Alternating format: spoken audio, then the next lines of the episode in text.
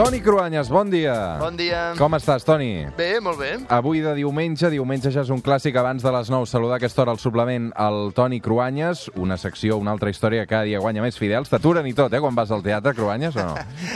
Sí, T'aturen perquè surts a la tele, bàsicament, però alguns també et recorden l'espai de cada diumenge. Eh? També, també, i tant. Va, aquesta setmana, aquest divendres, ha estat marcat per això. La reivindicació de les dones i la vaga d'aquest divendres ha marcat tot aquest cap de setmana, Toni. Sí, una embranzida que està agafant el moviment de denúncia feminista ja en els últims anys. I des d'aquí tota la solidaritat amb les reivindicacions polítiques, de discriminació laboral i també dels abusos sexuals. Toni, què és el que et sembla més interessant de tot aquest moviment? Home, una de les coses que crec que val la pena remarcar és que moviments com el Me Too estan sortint des de baix cap amunt.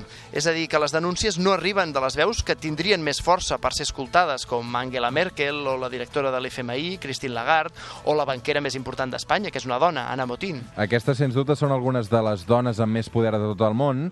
Ara és el moment, però, de la història en què les dones tenen més pes, més força. Home, només faltaria. A veure, l'emancipació i la democràcia també estan permetent a les dones accedir a llocs de poder als quals abans només arribaven per caramboles de la història, sempre vinculades al fet de ser filles de o dones de...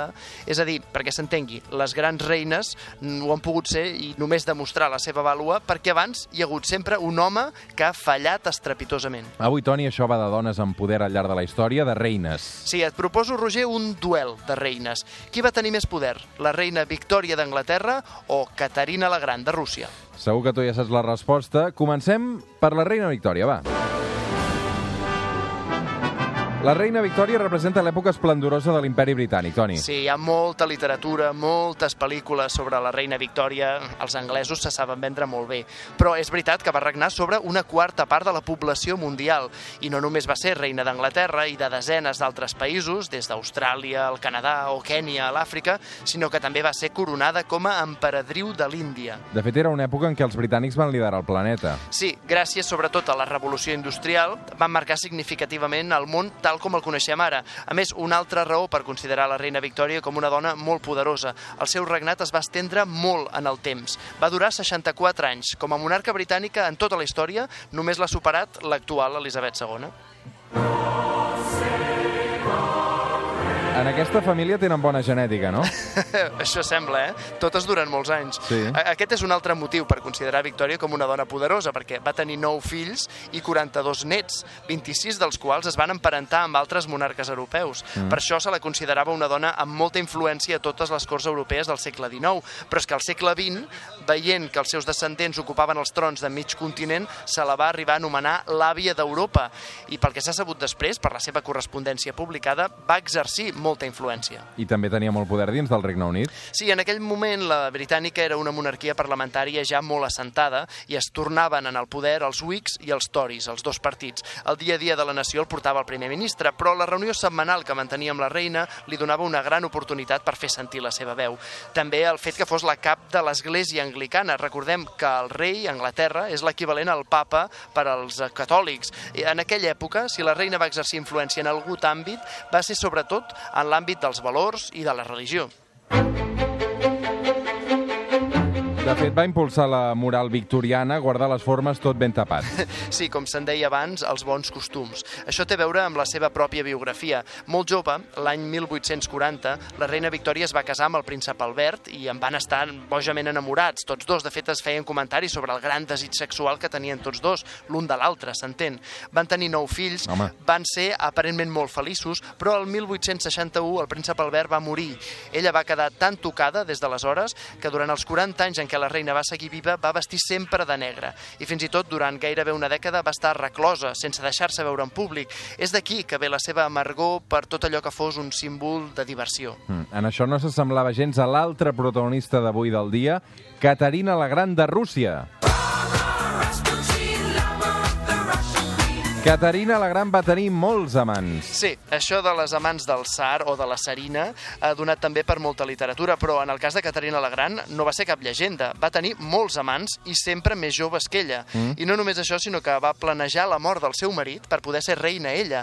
No em diguis que això no dona per totes les sèries i pel·lícules que vulguis. Mm. A veure, va, situem-nos una mica. Caterina no era de la família reial russa, no? Encara més mèrit per ella. Va néixer el 1729 en una família de la baixa noblesa de Pomerània, aleshores a Alemanya. Mm. La van educar en les millors escoles i per una batalla d'influències entre diferents famílies aristocràtiques a la cort dels Romanov a Moscou, la bonica i educada Caterina va acabar casant-se amb el gran duc Pere de Holstein, que més tard heretaria el tron. Ja des d'abans de ser rei, Pere era considerat un pusilànime, tímid, estrany en les relacions socials. En canvi, Caterina sabia guanyar-se l'amistat i el respecte de la gent, tant de la cort com de l'exèrcit o de la població en general. Mm. Uh, com es va integrar a la vida, a la vida russa, Caterina? Havia pres perfectament el rus i s'havia convertit a l'església ortodoxa. Des que es van casar, la relació de la parella reial era dolenta, el tsar tenia les seves amants i Caterina també els seus. Va ser amb un dels seus amants que va planejar l'assassinat del tsar, i així ho va fer. Tan sols sis mesos després d'accedir al tron, Caterina va matar el seu marit. I com s'ho va fer per convertir-se en reina? Bé, va aconseguir el suport majoritari de la cort i dels militars, i encara que hi va haver intents de deposar-la, va aconseguir governar amb mà de ferro fins la seva mort. De fet, a diferència de la reina Victòria d'Anglaterra, a Rússia no hi havia cap parlament influent amb un govern independent del monarca, així que ella va establir les prioritats del que encara és avui el país més gran de la Terra, i el va canviar completament. De fet, en aquell moment, Rússia era un país endarrerit, Toni. Sí, era un país feudal i Catalina la Gran va voler modernitzar-lo. Volia una cort a la moda en tots els àmbits, com a París o Londres, un país amb més educació, millors ciutats. Ah, i per fer tot això va deixar de mirar cap a l'Orient, va encarar-se completament cap a Europa. De fet, Toni, Rússia té molt més territori a l'Àsia que a Europa. Sí, per això va estendre el país cap a l'oest i cap al sud, des del Bàltic fins al Mar Negre. Ja havia fet abans, Pere el Gran, dècades abans, l'arribada fins al Bàltic, ella va importar d'Europa de l'Europa occidental la filosofia jurídica, la política, a més de l'art i la medicina. És obra d'ella el desenvolupament definitiu de la ciutat de Sant Petersburg, al Bàltic, mm. que és la capital alternativa a Moscou.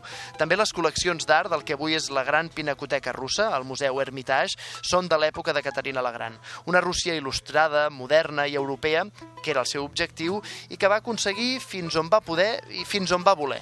Què vols dir amb això de fins on va voler?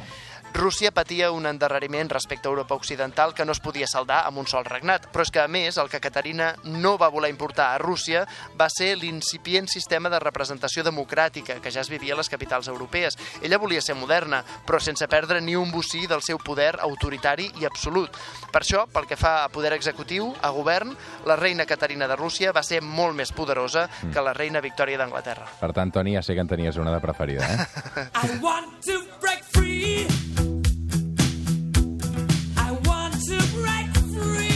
I ai, que avui la cosa ha anat de reines, arribem a les 9 amb els Queen. Et sembla bé, Toni? Em sembla molt bona tria. Que tinguis un gran diumenge, una abraçada. Igualment.